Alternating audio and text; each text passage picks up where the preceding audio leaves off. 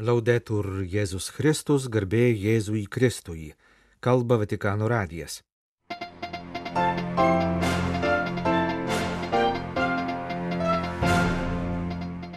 Popiežiaus audiencijos nepilnamečių apsaugos komisijai ir piligrimų grupiai iš Šiaurės Italijos.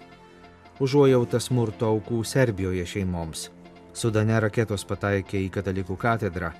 Tarp ukrainiečių karo pabėgėlių yra senų žmonių ir ligonių, jiems reikia ypatingos globos. Gegužės 3-6 dienomis Romoje vyksta popiežiškosios nepilnamečio apsaugos komisijos plenarinis suvažiavimas. Tai antrasis komisijos susitikimas po 2022 m. rudens, kai buvo pranešta apie jo sudėties atnaujinimą. Komisija darbuojasi nuo 2014 metų. Penktadienį 35 suvažiavimo narius priėmė popiežius Pranciškus. L'abuso sessuale di minori da parte del clero e la sua cattiva gestione da parte dei leader ecclesiastici sono stati una delle sfide più grandi per la Chiesa. Seksualinis nepilnamečių išnaudojimas ir netinkamas bažnyčios vyresniųjų tvarkymasis su tokiais atvejais tapo vienas didžiausių mūsų laikų bažnyčios iššūkių. Daugelis iš jūsų šiam reikalui paskyrėte savo gyvenimą, sakė popiežius Pranciškus. Anot jo, niekas negali pasakyti, kad vienai par kitaip nebuvo paliestas seksualinių išnaudojimų bažnyčioje problemos. Karai, badas, abejingumas kitų žmonių kančioms yra baisios mūsų pasaulio tikrovės ir šaukėsi dangaus. La crisi degli abusi sessuali però è particolarmente grave per la Chiesa Tačiau seksualinio išnaudojimo krizė bažnyčiai yra ypač sunki, nes ji pakerta jos gebėjimą pilnai priimti ir liūdėti išlaisvinantį Dievo buvimą. Nesugebėjimas tinkamai veikti, kad šis blogis būtų sustabdytas ir ateiti į pagalbą jo aukoms subjauroju patį mūsų Dievo meilės liudijimą. Mišių gailėščio akte prašome atleidimo ne tik už padarytas skriaudas, bet ir už nepadarytą gėrį. Gali būti lengva pamiršti aplaidumo nuodėmės, nes tam tikrą prasme jos atrodo mažiau realios, bet iš tiesų jos labai tikros ir žaidžia bendruomenę ne mažiau, o gal ir daugiau nei kitos, kalbėjo Pranciškus. Non aver fatto ciò che avremmo dovuto, soprattutto da parte dei leader della Chiesa, ha scandalizzato molti. Ypač anot jo bažnyčios vyresniųjų neveiklumas ir nedarimas to, kas buvo privalu, daugelį papiktino. Palaipsniui problemą įsisamonino visas krikščioniškas pasaulis. Tuo pat metu, tęsi popiežius, nebuvo tylima ir nieko neveikiama. Primindamas, kad po eksperimentinio laikotarpio jis pats neseniai patvirtino motu proprio vos estis lux mundi, numatytas priemonės ir procedūras kaip nuolatos galiojančias. Audiencijos dalyviams popiežius Pranciškus pasiūlė tris principus, kurie gali būti pavadinti gydimo ir atgailos dvasingumu. Pirma, ten, kur gyvenimas buvo sužeistas, esame kviečiami prisiminti kūrybingąją Dievo galę, kuri ir neviltyje bei mirtyje gali pažadinti viltį ir gyvenimą. Pralaimėjimo jausmas, kurį daug kas išgyveno dėl išnaudojimų, gali pasirodyti per sunkus. Taip pat ir bažnyčios vyresnėji, jaučiantys bendrą gėdos jausmą dėl nesugebėjimo veikti, buvo sumenkinti, o gebėjimas kelbti Evangeliją pažeistas. Tačiau pasitikint Dievu ir jo gyvybinga gale būtina eiti pirmin. Antra, būtina stengtis lipdyti tai, kas buvo sudaužyta ir suplėšyta. Seksualinis išnaudojimas žaloja visą pasaulį, ne vien bažnyčią. Daug aukų slegia faktas, kad prieš daug metų patirtas išnaudojimas iki šiol kliudo ir daužo jų gyvenimą. Išnaudojimo pasakmes gali būti jaučiamos tarp sutoktinių, tėvų ir vaikų, brolių ir seserų, draugų ir kolegų, sukrėsti bendruomenės. Klastinga išnaudojimo prigimtis greuna ir skaldo žmonės, jų tarpusavio santykius ir pačią jų širdį. Trečia, reikia porenti savyje Dievo maloningumą ir pagarbą pažymėjo popiežius, cituodamas poetę Mają Angelų, pasak kurios žmonės pamiršta, ką sakei ir ką padarėjai, bet niekada nepamiršta, kaip jiems leidai jaustis. Nešiokite vieni kitų naštas, nesiskusdami, bet galvodami, kad ši bažnyčios atgailos ir atitaisimo akimirka užleis vietą išganimo istorijos akimirkai. Gyvasis Dievas neišsėmė savo malonių ir palaiminimų atsargų. Nepamirškime, kad kančios žaizdos liko prisikėlusiojo viešpaties kūne, nebe kaip kančios ar gėdo šaltinis, bet kaip gailestingumo ir perkeitimo ženklai, kalbėjo Pranciškus. Ora è il momento di rimediare il danno fatto alle generazioni che hanno preceduto e a coloro che continuano a soffrire. Dabar atėjo laikas atitaisyti prieš mus gyvenusioms kartoms padarytą žalą ir tiems, kurie ir toliau kenčia. Šis Velykų laikotarpis yra ženklas, kad mums rengiamas naujas laikas, naujas pavasaris, apvaisintas darbu ir ašoromis kartu su tais, kurie kentėjo. Štai kodėl svarbu, kad niekada nenustotume eiti į priekį tęsė popiežius. Pasak jo, nepilnamečių ir pažeidžiamų asmenų apsauga turi tapti visuotinių standartų ir įprasto gyvenimo dalimi visose aplinkose - parapijose, seminarijose, viskupijose, katechetų mokytojų ir kitų pareigybių formacijoje, kontemplatyviuose ir apaštaliniuose vienuolynuose tarp jaunų ir senų. Turi įsivyrauti apsaugos kultūra, o tam būtinas ir bažnyčios vyresniųjų silovadinis atsivertimas – Pasak popiežiaus apsaugos kultūra turi būti tokia pat visur - Afrikoje, Azijoje, Lutynų Amerikoje. Ir ji neturi priklausyti nuo ekonominio aspekto. Būtų labai neteisinga, jei tokia apsauga veiktų tik pasiturinčiuose pasaulio regionuose, o nepasiturinčiuose regionuose aukos būtų toliau tildomos, atstumiamos, stigmatizuojamos. Bažnyčia turi stengtis tapti prieimimo ir gero elgesio pavyzdžių sakė šventasis tėvas. Penktadienį popiežius priėmė grupę Italijos Asti vyskupijos tikinčiųjų, atvykusių padėkoti Pranciškui už vizitą jų vyskupijoje praėjusių metų lapkritį. Iš šiaurės vakarų Italijos Piemonto regione esančios Asti vyskupijos yra kilę popiežiaus tėvai ir seneliai, 20-ojo amžiaus pradžioje emigravę į Argentiną. Pernai nuvykęs į Piemontą, Pranciškus vieną dieną skyrė savo giminaičiams, o kitą dieną aukojo mišes vyskupijos katedroje. Į Romą atvykusius piemontiečius popiežius pavadino savo šeima. E allora possiamo fermarci un po' su questa parola famiglia, perché è una realtà che tanto cambiata e sta cambiando, eppure la famiglia rimane un valore chiave. Trumpam staptelėkime ties šiuo žodžiu - šeima, sakė Pranciškus. Šeima tai tikrovė, kuri pastarųjų metų daug pasikeitė ir tebesikeičia. Tačiau šeima ir toliau išlieka labai svarbi vertybė. Ar žinote, kada įvyko tikroji šeimos revoliucija? Ar žinote, kas ją įvykdė, klausė popiežius. Ir atsakė, Jėzus Kristus. Mes vieni kitus vadiname broliais ir seserimis.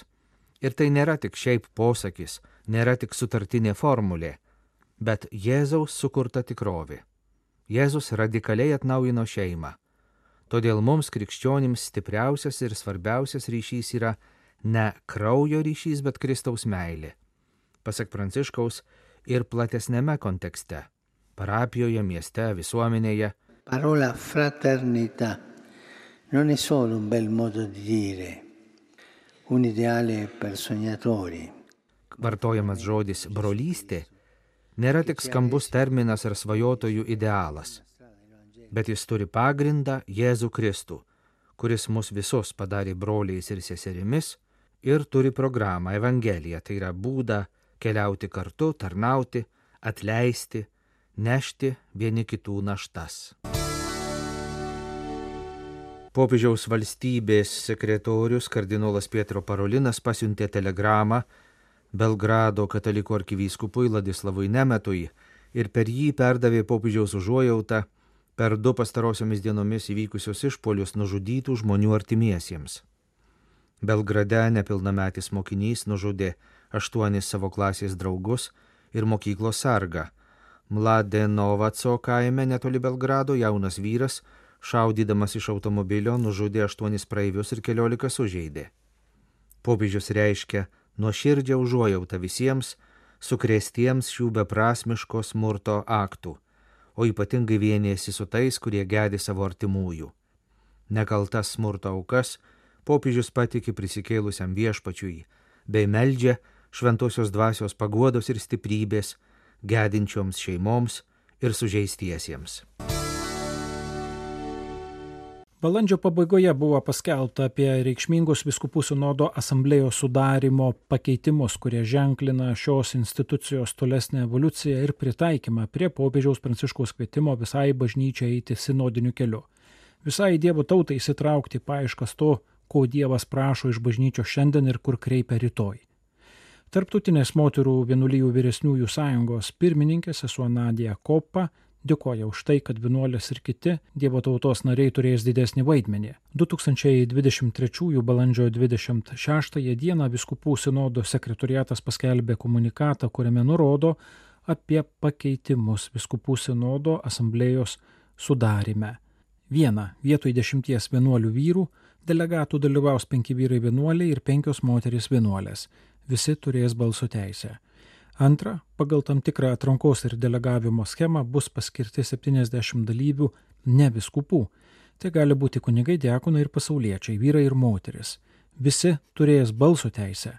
Viskupų sinodo sekretoriato dokumente prašoma, kad pusė dalyvių ne viskupų būtų moteris ir kad būtų vertinamas jaunų žmonių atstovavimas. Tarptautinės moterų vienuolijų vyresniųjų sąjungos pirmininkė Sesuo Nadė Kopa, komentuodama šiuos savalaikius sprendimus, rašo, jog palapinė vis didesnė. Galima priminti, jog palapinė daug kartų yra minima šventajame rašte, ypač Senajame testamente. Klajokliškame kontekste tai buvo žmonių namai, susitikimo ir svetingumo vieta. Išėjimo knygoje skaitome, jog Dievas nurodė izraelitams įrengti šventovę, įdant galėtų gyventi tarp jų. Ta šventovė ar padangtė buvo suprojektuota kaip didelė palapinė, kurioje buvo saugojama sandoros skrinė. Šią palapinę buvo galima nesunkiai išardyti ir pastatyti kitoje vietoje. Kitaip tariant, Dievas nori būti žmonių tarpe ir kartu su jais keliauti, kur tik jie keliauja. Palapinė iš tiesų plečiasi, didėja, keldama susižavėjimą dėl Dievo veikimo istorijoje skleidžia entuzijazmą ir pozityvumą, nes atnaujina truškimą aukti kaip bažnyčiai, kuri kalbasi, geba būti kartu ir dirbti kartu, įsiklausydama ir įtraukdama, sugeba orientuotis į pastoracinius pasirinkimus, kurie atitinka tikrovę ir laiką, kuriame gyvename. Be to, didelės moterų turinčių balsavimo teisę grupės buvimas biskupų sinodė yra precedento neturintis potvarkis, turtinantis bažnytinį dinamizmą, rodantis atvirumą ir pasirengimą priimti Dievo naujumą kuris palaipsniui atnaujina bažnyčią ir leidžia išriškėti visam jos turtingumui, rašo Tarptautinės moterų vienuolijų vyresniųjų sąjungos pirmininkė sesuo Nadė Kopa.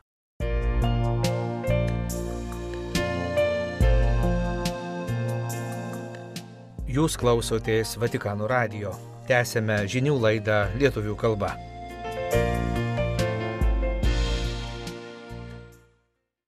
Sudane raketos pataikė į katedrą. Bažnyčia patyrė didelių nuostolių, bet aukų nėra. Kunigai vienuoliai nesitraukia, tik vienuolės, kurios įsikūrė netoli kareivinių, galimų taikinių, buvo perkeltos į kitą vietą. Per smurtinius susidūrimus tarp Sudano kariuomenės ir sukarintos grupuotės RSF nukentėjo El Obeido viskupijos Švenčiausios Marijos Afrikos karalienės katedra. Sudano ir Pietų Sudano viskupų konferencijos generalinis sekretorius kunigas Piteris Suleimanas pasakoja, kad balandžio 27 dieną į katedrą pataikė mažiausiai dvi raketos. Viena apgriovė klebonijos dalį, kita sprogo prie pagrindinių katedros durų, sunaikindama vitražus. Raketos pataikė tuo metu, kai El Obeido vyskupas Junanas Tombe Trilė Kukuandali ir kiti kunigai dalyvavo švenčiausiojo sakramento adoracijoje katedroje. Situacija mieste labai sudėtinga, gyventojams trūksta maisto, vandens, elektros sakė viskupų konferencijos sekretorius, pridurdamas, kad vyskupas ir kunigai pasiliko savo vietose. Saugumo sumetimais į skirtingas vietas buvo evakuotos tik Šventojo Pranciškaus mokyklos seserys, nes jų vienuolynas yra priešais kareivines. Kareivinės yra galimas karinis taikinys. Visi kiti dvasininkai pasiliko savo bažnyčiose, vienuolynuose, parapijose ir lieka arti parapijiečių. Sudano ir Pietų Sudano viskupų konferencijos generalinis sekretorius patvirtino, kad kilusio konflikto metu naikinami miesto istoriniai pastatai. Jis paragino Sudano gyventojus melstis už taiką. Karas Ukrainoje vyksta jau daugiau nei metus, daugybė pabėgėlių iš Ukrainos, kai kurie ypatingai pažeidžiami, Europoje susiduria su sunkumais gaunant pagalbą, darbą, orų būstą, nepaisant didžiulio priimančių šalių solidarumo. Taip pranešama naujoje Junktinių tautų pabėgėlių agentūros ataskaitoje. Dokumente nurodomos pastangos siekiant paspartinti pabėgėlių integraciją. Kita vertus, ataskaita išryškina ypatingus sunkumus, kuriuos patiria pažeidžiamiausios šeimos, kurių bent vienas šeimos narys turi ypatingų poreikių, yra senyvo amžiaus ar turi negalę. Ataskaita remiasi naujausiais interviu, kai buvo apklausta 17 700 pabėgėlių šalise, kurios ribojasi su Ukraina - Vengrijoje, Moldovoje, Lenkijoje, Rumunijoje ir Slovakijoje. Daugiau nei viena iš penkių apklaustų šeimų, 22 procentai, turi šeimos narį su ypatingais poreikiais ar sunku ligonį. Šios šeimos susiduria su didžiausiais iššūkiais tenkinant būtiniausius poreikius. Joms kyla didžiausias pavojus. Pasak Junktinių tautų pabėgėlių agentūros Europos regiono biuro direktoriaus Paskalė Moro, būtinas sisteminis poreikių nustatymas jau pradinėje stadijoje kad pažeidžiamiausi asmenys gautų prieigą prie būtinų paslaugų ir pagalbos. Šeimos narys su negale turi bent 12 procentų apklaustų šeimų. 13 procentų šeimų turi šeimos narį vyresnį nei 60 metų. Šios grupės kalbėjo apie didesnius sunkumus gauti medicininę pagalbą lyginant su kitomis šeimomis. Pasibaigus skubaus apgyvendinimo programoms reikia užtikrinti, kad ilgalaikiai sprendimai atsižvelgtų į labiausiai pažeidžiamų asmenų poreikius. Turime ir toliau remti priimančias šalis, kad būtų suteikta tinkama galimybė gauti būstą ir socialinę pagalbą, užtikrinant, kad niekas nebus paliktas nuo šalyje, pridūrė Moro. Asmenims turintiems negalę sudėtingiau gauti darbą, tai atsiliepia bendroms pajamoms ir atitinkamai galimybė rasti saugų būstą. Panašiai didžioji dauguma pagyvenusių žmonių, 82 procentai, yra bedarbiai arba pensinio amžiaus ir priklauso nuo Ukrainos skiriamų pensijų arba priimančių šalių socialinės apsaugos. Deja, apie 92 procentai pagyvenusių žmonių praneša apie iškylančius sunkumus priimančiose šalise. Dėl to išauga tikimybė, kad nepaisant karo, jie per artimiausius tris mėnesius bandys grįžti į Ukrainą. Junktinių tautų pabėgėlių agentūra pabrėžia, kad yra pasirengusi padėti primančioms šalims rasti sprendimus, kaip ištaisyti esamas spragas ir įveikti kliūtis, įtraukiant pažeidžiamiausius žmonės Tai išsprendžiama, jei tinkamai investuojama į valstybinių socialinės apsaugos sistemų išlaikymą, informacijos teikimą, prieigą prie vietinių paslaugų ir inovacijas.